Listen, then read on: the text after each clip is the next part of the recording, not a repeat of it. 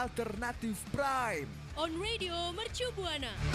Mengudara dari jam 2 sampai jam 4. Yang bakal mentorin musik alternatif favorit rekan Buana. Explore musik lu dengan bebas tanpa batas.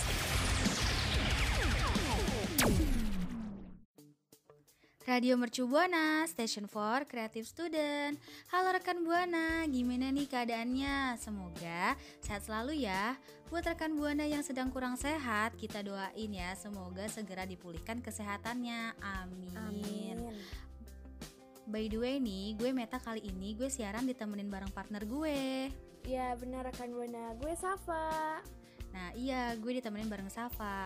Oh iya Saf, sekarang kan udah hari Selasa nih, Iya. udah siang menuju sore. Berarti waktunya apa ya? Waktunya alternatif prime dong, Meta. Iya betul banget, seperti biasa kita berdua akan mengudara menemani siang menuju sorenya hari rekan Buana Iya, Met. Pokoknya setiap Selasa sore kita alternatif prime bakalan nemenin rekan Buana semua. Oh iya, rekan Buana yang belum follow sosial media kita bisa loh nih di follow Instagram dan Spotify kita di @radiomercubuana, Twitter kita di @radio_umb serta yang gak kalah pentingnya apa, Met? Nah jangan lupa kunjungin website kita di radio.mercubuana.ac.id Karena di situ ada artikel-artikel yang seru dan menarik tentunya Rekan Buana yang sedang beraktivitas juga jangan lupa ya tetap eh, nerapin protokol kesehatan dan jaga jarak, pakai masker serta nih bawa hand sanitizer.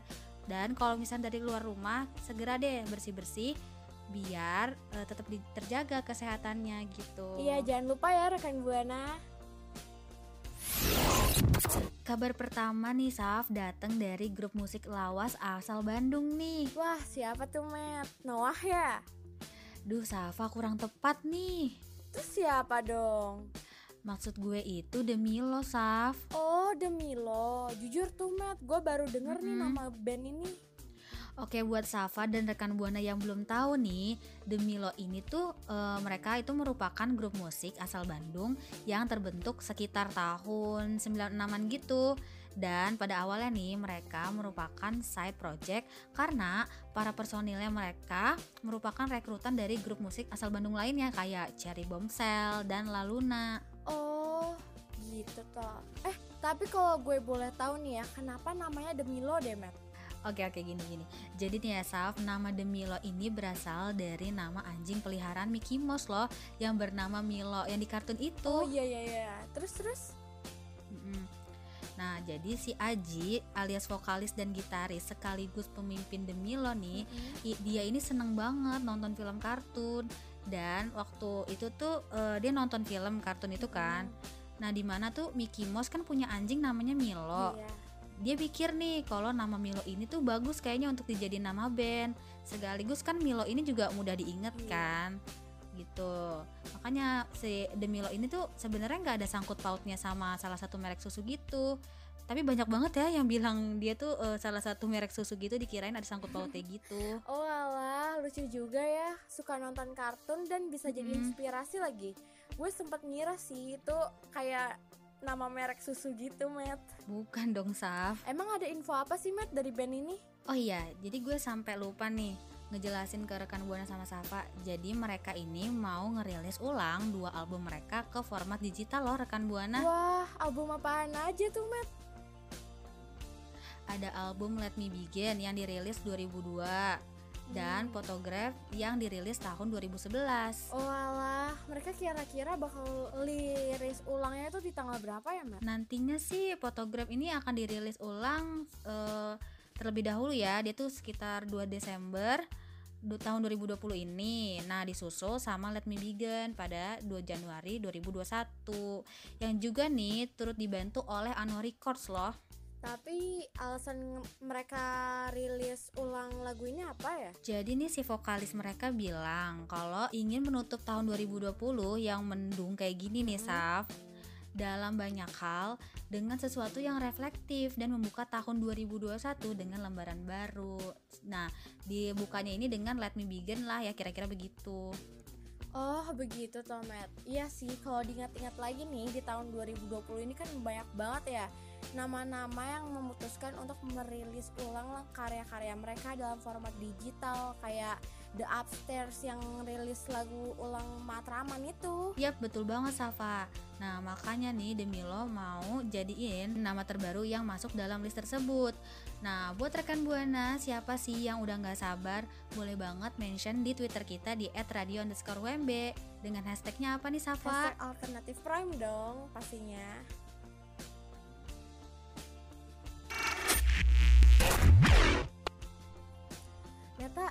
cyberbullying tuh akhir-akhir ini jadi makin parah ya Iya, kayaknya akhir-akhirnya tuh makin pada parah, terus serem-serem gitu, Saf. Iya, apalagi tuh ranah digital tuh udah makin berkembang, terus teknologi juga udah makin maju. Tombol like, dislike sama komen juga udah disediain sama Mm-mm. platform biar publik tuh bisa bersikap bebas dalam merespon.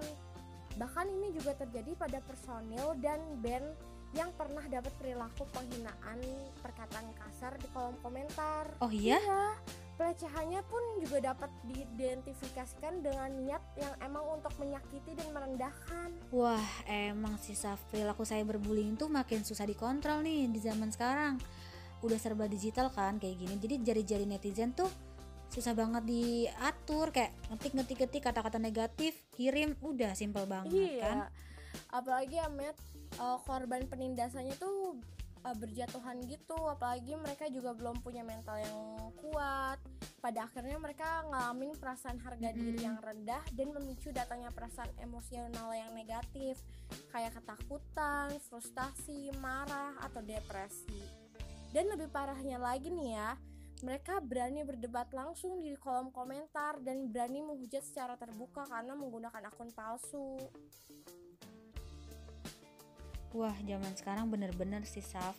By the way nih, emang Mm-mm. grup band mana sih Saf yang dapat cyberbullying kayak gini? Ada Matt, grup band yang namanya Cupu Manik. Vokalis mereka tuh Chandra Hendrawan Johan itu yang biasa disapa Mace bilang bahwa lagu mereka yang grunge harga mati itu pernah dirusak dan diganti menjadi bahan olok-olokan beberapa pihak di komunitas grunge Indonesia. Wah, parah sih kalau udah masalah bullying gini nih, apalagi kan eh, kasusnya grup band gitu kan, cupu si Cupu Manik ini itu kan dihina. Nah, sama beberapa pihak komunitas grunge Indonesia juga kan. Iya. Aturan kan mereka itu saling mendukung gitu nggak sih, Saf? Bukannya malah Iya, menjatuhkan. Meta, setuju banget gue. Ya walaupun mau berkarya nih ya, lagunya juga diperuntukkan kan untuk publik harusnya berani dan siap untuk disukai, di- tidak disukai, bahkan tidak dipedulikan. Dan ada tiga kategori nih, penggemar, pembenci, dan publik yang tak peduli sama sekali dengan karya dan eksistensinya. Iya sih Saf betul. Tapi nih apa pun alasannya Rekan Buana harus ingat ya Kalau misalkan kita tuh harus saling menghargai. Bullying itu nggak keren sama sekali rekan Buana. Secara nggak langsung nih bullying itu kan bisa juga menjatuhkan mental seseorang kan. Dan juga berdampak buruk nih terhadap kesehatan Bener, seseorang. Jadi stop bullying ya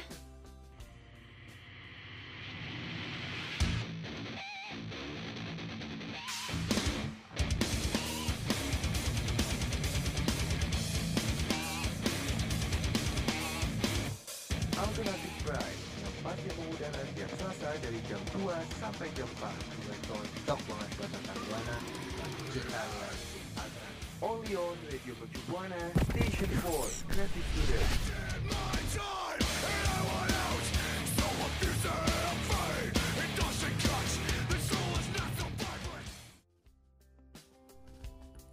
Kali ini masih dari musisi Indonesia nih rekan Buana Meta.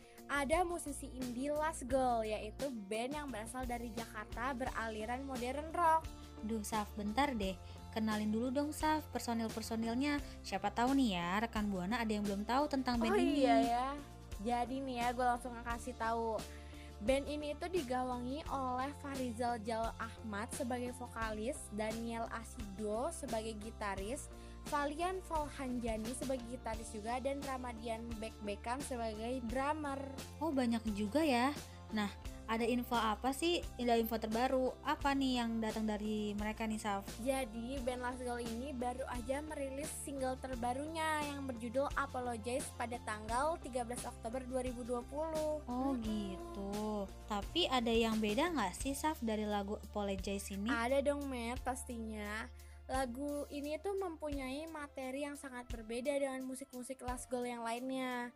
Sebelumnya mereka sepakat nih untuk memberikan warna baru dengan hook serta riff yang lebih catchy dan tetap mengusung dentuman rock khas, khas Last Girl. Oh, tapi lagu ini tuh uh, sebenarnya bercerita tentang apa sih Saf? Soalnya ya gue pribadi pun belum tahu nih bercerita tentang apa lagu Hmm, ini. Jadi tuh ya lagu ini menurut keterangan pers dari vokalisnya Jal bilang kalau Apologies ini bercerita tentang peringatan bagi orang-orang yang mudah melupakan kesalahan dan susah bilang maaf yang akhirnya mereka sendiri deh yang memperburuk keadaan Wah, keren sih maksud dari lagunya itu ya Saf. Mm, bener kan Matt?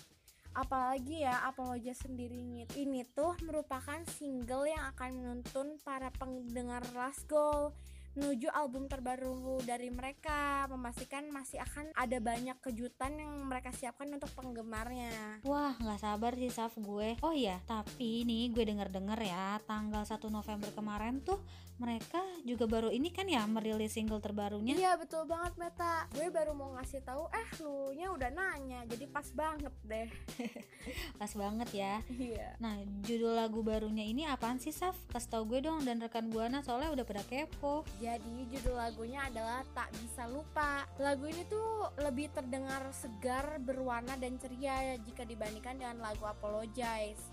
Sebelum merilis single Apologize, Last Girl ini udah lebih dulu merilis album Back in Time Black Edition pada Agustus 2020. Oh, jadi yang tadi lu bilang eh, lagu ini tuh eh, lagu dia kali ini tuh lebih ini ya, kedengeran eh, lebih kedengar seger, terus lebih ceria gitu ya. Iya benar.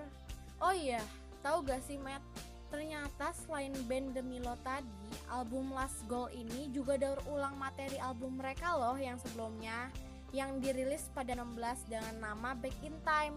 Kemudian dipadukan deh dengan beberapa single baru mereka seperti Did You Know, Let It Burn bersama mereka dan lainnya. Wah, ternyata mereka juga kayak nge-remake ulang Iya, lagu itu ya, Saf? Mereka juga bilang nih, jika album Back in Time Black Edition ini sekaligus menandai wajah baru dari Last Goal dalam berkarir, yaitu pengisi vokalnya yang diisi sama Jal.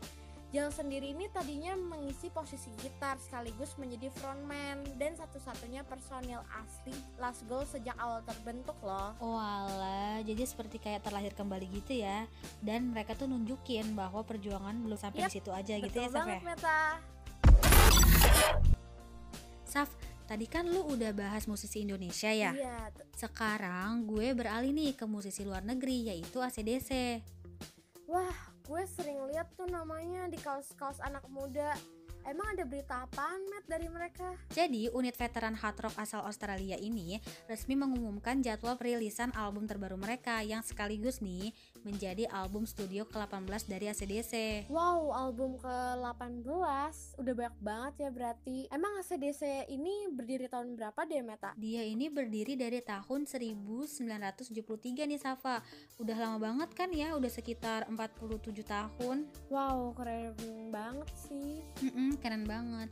Jadi nih ya Saf dan rekan Buana, karya baru yang udah dirilis pada 13 November 2020 kemarin ngebuktiin nih bahwa ACDC bisa bangkit dari serangkaian masalah yang sempat datang seperti kayak kepergian salah satu pendirinya yaitu Malcolm Young karena masalah kesehatan hingga persoalan hukum. Wah, serius, Matt? Iya serius. Sebenarnya sih ya tempat Malcolm sekarang tuh uh, udah digantiin sama si Stevie Young yang merupakan keponakannya sendiri. Jujur sih gue salut banget udah 47 tahun berkarya dan masih tetap berdiri sampai sekarang Iya bener banget.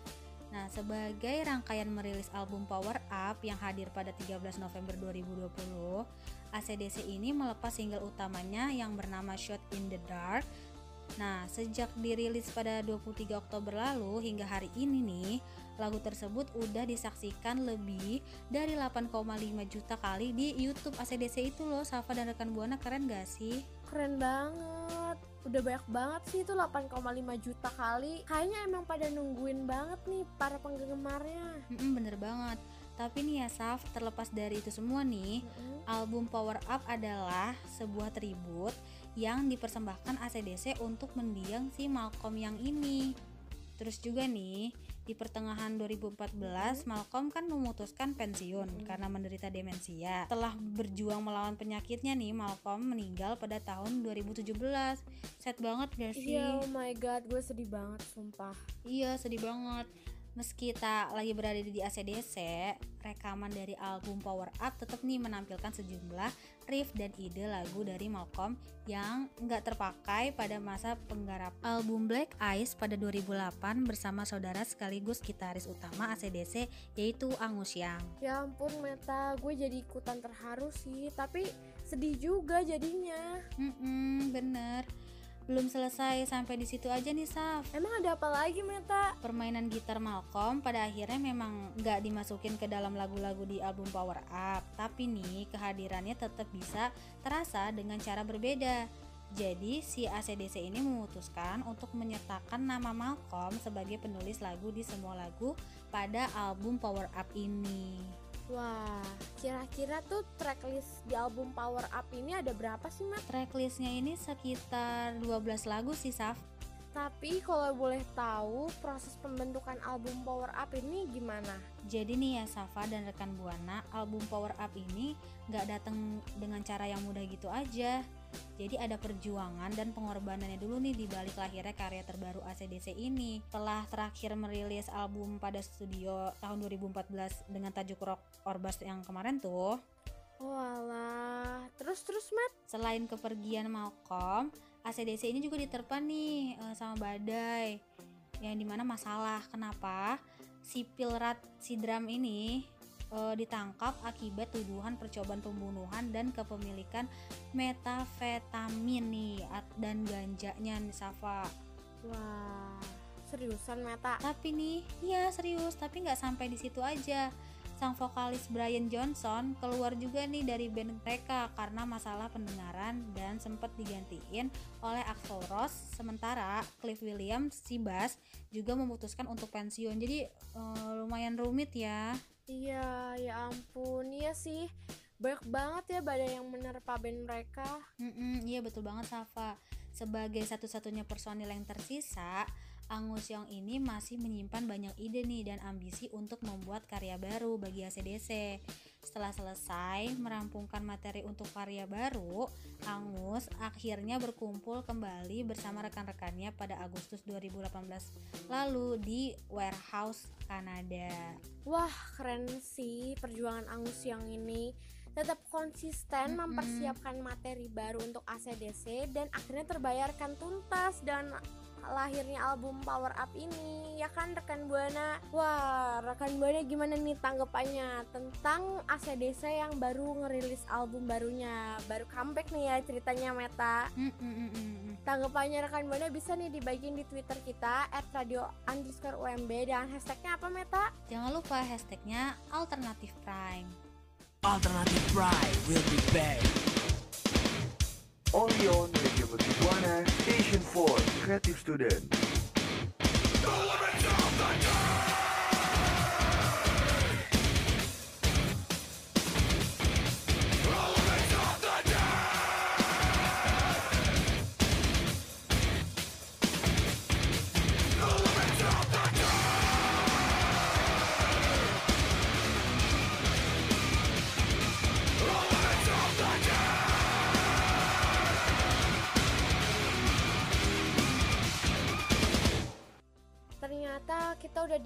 Segmen aja nih rekan Buana. Semoga info-info kali ini bisa memberi informasi ya buat rekan Buana semua. Betul banget. Tapi sebelum itu, kita mau ngingetin lagi nih buat rekan Buana untuk follow Instagram dan Spotify kita di @radiomercubuana karena di situ banyak banget siaran-siaran kita yang gak kalah kecenya loh. Dan jangan lupa juga untuk follow Twitter kita di @radio_umb. Rekan Buana juga bisa loh untuk kunjungin website kita di radio.mercubuana.ac.id karena di situ banyak banget artikel-artikel yang seru dan menarik untuk dibaca. Setuju banget. So, kalau kayak gitu Meta pamit undur suara. Safa pamit undur suara. See See ya. Radio Mercu Buana Radio Mercu Buana Station Station for Creative Student